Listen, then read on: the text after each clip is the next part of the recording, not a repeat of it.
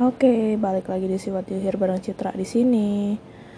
Um, kalian tahu gak sih ngerasa kayak gladi resik masuk neraka tuh kayak apa? Mungkin kayak gini sih ya. Di Padang tuh sekarang panas banget dan gak sanggup keluar.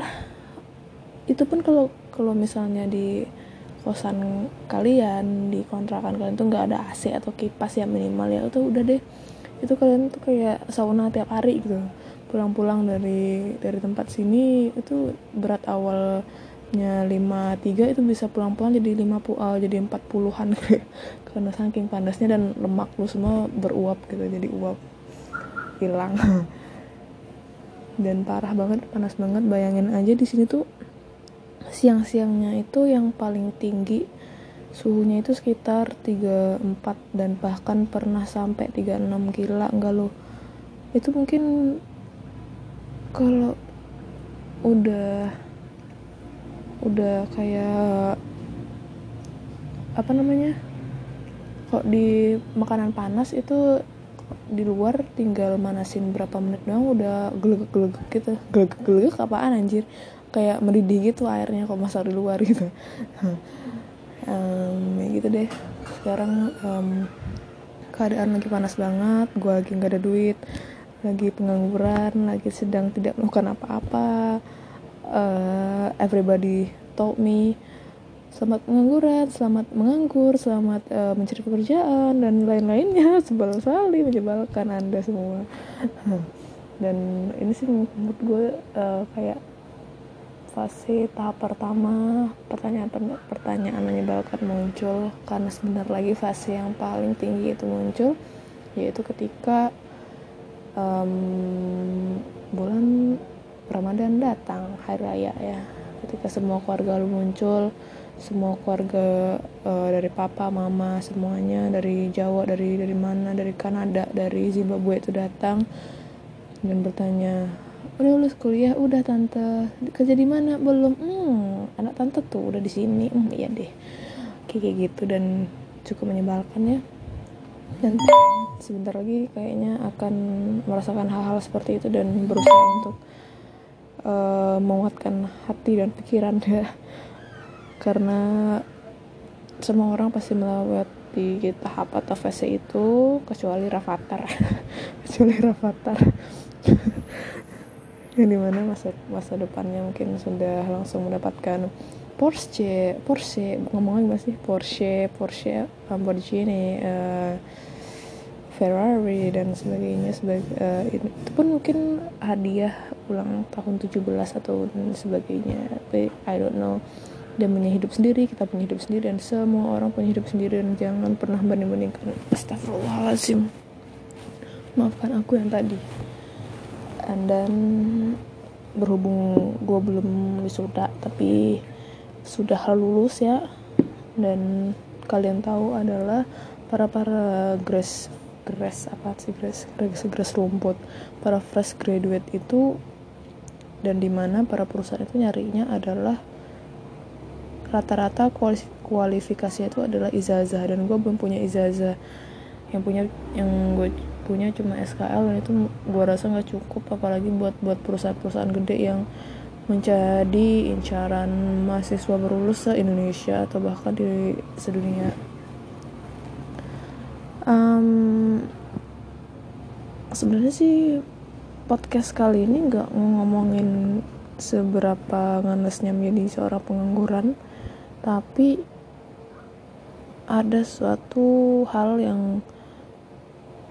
uh, hidup juga lah soal hidup yang pasti kalian pernah mengalami ini di mana kalian mempunyai seorang teman yang dulu sudah bisa dikatakan sangat bestie, best friend, uh, best friend forever, forever uh, boy before flower dan semuanya sampai akhirnya kalian punya tahap atau titik di mana kalian tidak merasa dekat lagi.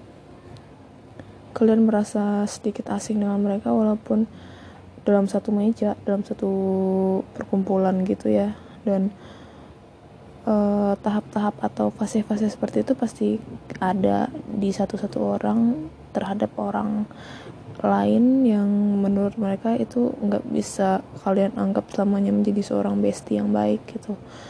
Bestie bestie itu bestie apa sih bestie uh, terus um, uh, by the way um, mohon maaf dulu sebelumnya kalau ada kata-kata dengungan apa sih?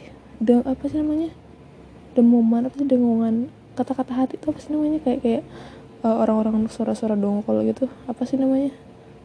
Uh, kayak gitu deh pokoknya. Pokoknya karena ini menyangkut soal pertemanan yang yang kalian semua pasti tahu semakin uh, tinggi umur kalian semakin dewasa kalian pertemanan kalian itu terhadap suatu satu orang gak bakal bertahan lama karena ketika kalian memasuki fase hidup baru kalian akan menemukan orang baru lagi.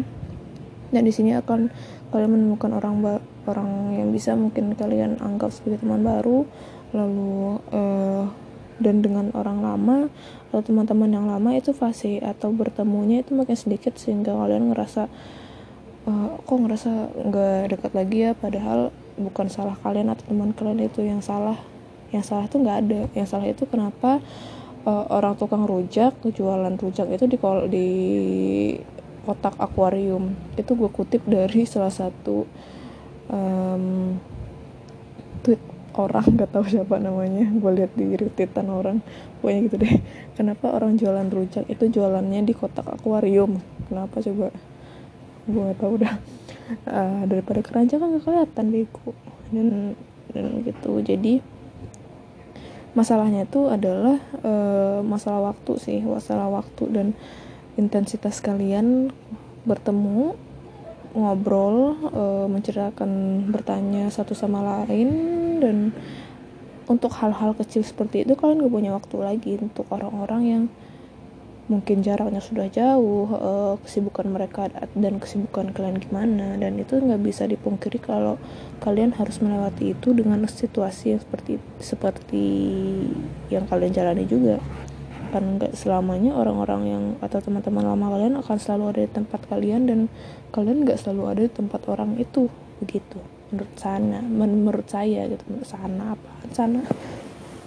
Menurut saya gitu. Ketika ada uh, orang yang mungkin di zaman SMA kalian udah sangat-sangat deket ke mana-mana berdua kuisnya berdua makan berdua apa pun itu berdua. Dan ketika kalian menginjak anggap aja, anggap aja deh uh, pas kuliah gitu mungkin mungkin aja kita anggap satu satu kampus. Dan itu nggak mungkin selamanya bakal bareng nggak bakal. Karena yang pertama lingkungan bakal berubah orang-orang akan bertambah. Dan situasi juga akan makin membuncah. Ya karena karena ego masing-masing mungkin atau keadaan yang makin nggak bisa kalian tebak mungkin atau pengaruh orang baru yang datang mungkin juga bisa karena yang bisa memecahkan pertemanan kalian. Bukan pecah sih tapi sedikit merenggangkan antara hubungan kamu dengan temanmu gitu. Uh, dan momen-momen di mana kalian bisa bersatu yang mana intensitas itu makin eh dah intensitas ngomongnya tuh makin de uh, lumayan deket itu adalah ketika reunian bareng reunian lagi reunian kelas atau bukber bareng pas puasa atau sebagainya. Dan mungkin pas itu doang sih atau mungkin kalian temu di jalan nggak sengaja kan terus ngobrol-ngobrol nonton bareng nggak sengaja ketemu. Dan akhirnya ya mungkin di waktu itu di fase itu kan bisa kembali dekat atau kembali merencanakan pertemuan lagi yang entah kapan. Uh, lalu ketika sudah direncanakan malah batal uh, karena suatu alasan satu atau keduanya. Sehingga nggak bisa dipungkiri ketika kalian makin dewasa lingkungan circle pertemanan akan semakin berubah uh, tergantung kalian juga makin banyak temennya atau makin sedikit temennya atau orangnya itu itu aja bagi orang yang royal dan setia. Begitu. Um, dan soal pertemanan yang sedikit renggang ini ah bentar. Oke okay, sorry tadi gelas gua tumpah. Jadi um, dan begitu selain menurut gue di mana hubungan pertemanan itu bisa merenggang mungkin karena sifatnya juga sih. Dan di sini gue lebih mengutarakan atau mengarahkan pertemanan-pertemanan yang semakin merenggang atau semakin bisa dibilang pecah atau rusak atau broke and anything else uh, what you want to say it um, adalah karena sifat yang ya itu karena perubahan waktu cuaca mungkin ya makin panas makin makin emosi dia mungkin atau makin dingin dia makin adem ayem dia mah. Terus karena hal-hal seperti itu kalian yang di mana suatu pertemanan itu pasti ada suatu orang yang mendominasi. Pasti pasti ada circle pertemanan itu pasti ada satu orang mendominasi banget yang mana awalnya kalian merasa oke okay, fine mungkin sifatnya memang kayak gini mungkin dari dulu dia kayak gini gimana aku cara merubahnya ya? Aku nggak punya terlalu hak, hak banyak atas dia karena uh, aku nggak ter terlalu mau mencampuri urusan dia. Mungkin kalian merasa um, awal-awalnya ngerasa kayak gini gitu kan. Kayak ya udahlah ngapain sih dipikirin? Paling ntar uh, pertemuan selanjutnya juga bakal uh, baik-baik aja. Dan sampai akhirnya di titik tertentu ketika kalian membutuhkan sesuatu atas dia terhadap dia dan dengan segala ego segala sifat dominasinya itu si teman kamu ini kamu nggak bisa nerima lagi semua sifat yang ada di dia kayak gitu. Kayak orang-orang ini yang bisa cepat ceplos pada awalnya kamunya santai-santai aja terus makin ke sini karena makin banyak kerjaan makin banyak uh, tumpukan tugas masalah dan lain-lain. Dan ketika kalian mendengar cara teman kalian berbicara seperti cepat ceplos kasar dan gak enak menurut kalian kalian bakal emosi sendiri. Ya walaupun itu mungkin karena sifat masing-masing juga ya. Tapi sih kalau sekali dua kali sih that's fine ya. Gak apa-apa. Tapi kalau masalah gue nih uh, sedikit continue. Nggak sedikit lagi sih banyak berlanjut continue sehingga pada sampai titik tertentu kalian udah sampai bosan banget sama nih orang gitu. Setiap uh, ada ajakan untuk pergi main bareng gitu kalian selalu punya alasan untuk nolak dan tidak sampai uh, pada pertemuan itu gitu. Kayak ya udah sih kalaupun gue ikut paling dominasi dia lagi dia lagi dia lagi dan dia lagi yang menurut dia obrolannya santai. Menurut, dia obrolannya enak sama dia tapi dia nggak nggak ngeliat gimana teman-teman yang lain yang bakal ikut sama dia juga gimana gitu. Kayak ya dari awal gue udah dominasi di grup ini kenapa kalian mencoba membatahkan ya? Gimana ya menurut gue sih orang-orang egois tuh pasti ada dan wajar. Tapi menurut menurutku egois yang berkelanjutan terhadap segala situasi yang tidak melihat tempat tidak melihat kondisi adalah hal-hal yang sangat uh, menyebalkan sekali. Gitu. Nggak sedikit orang sih yang kayak gitu.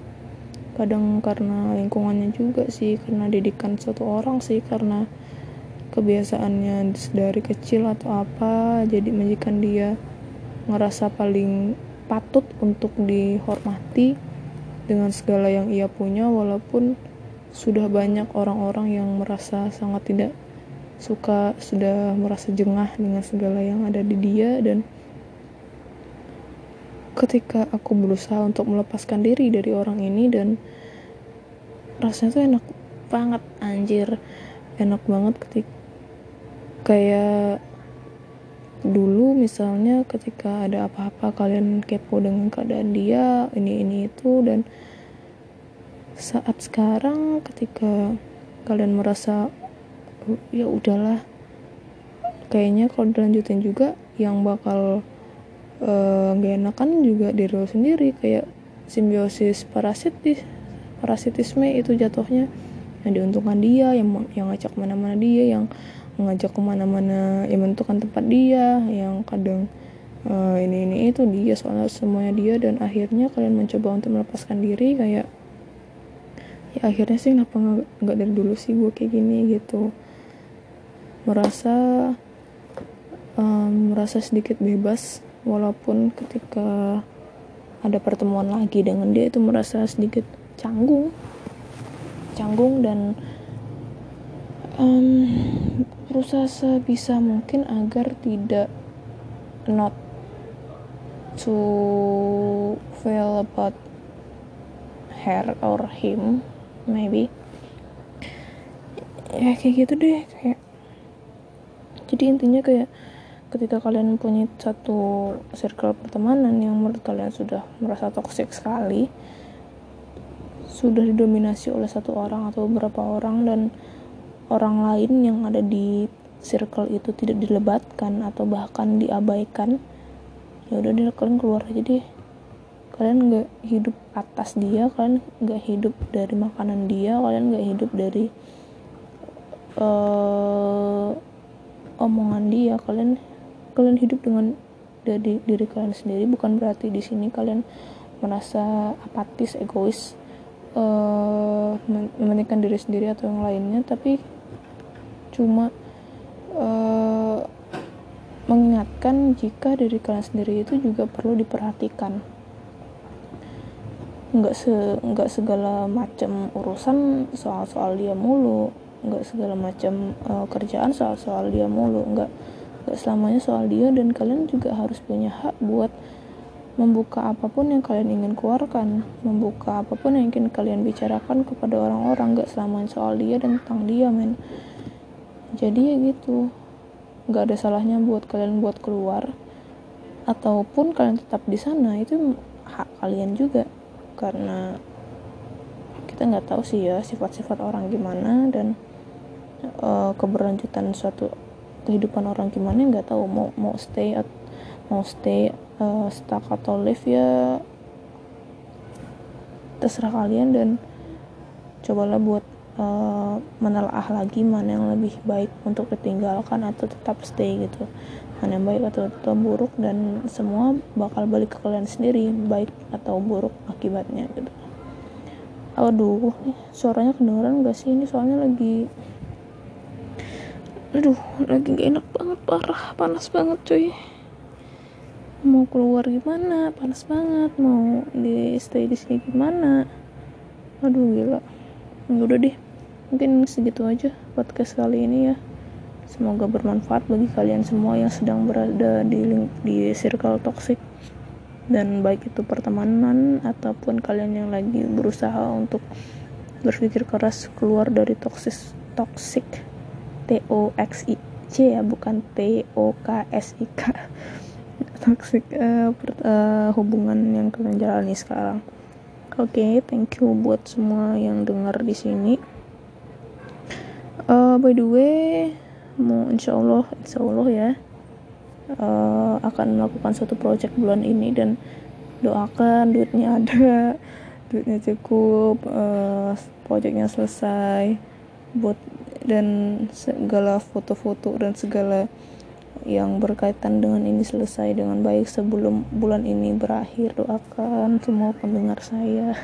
Ya Allah berasa udah punya fans aja lu. Udah deh uh, baik semuanya. Thank you. Bye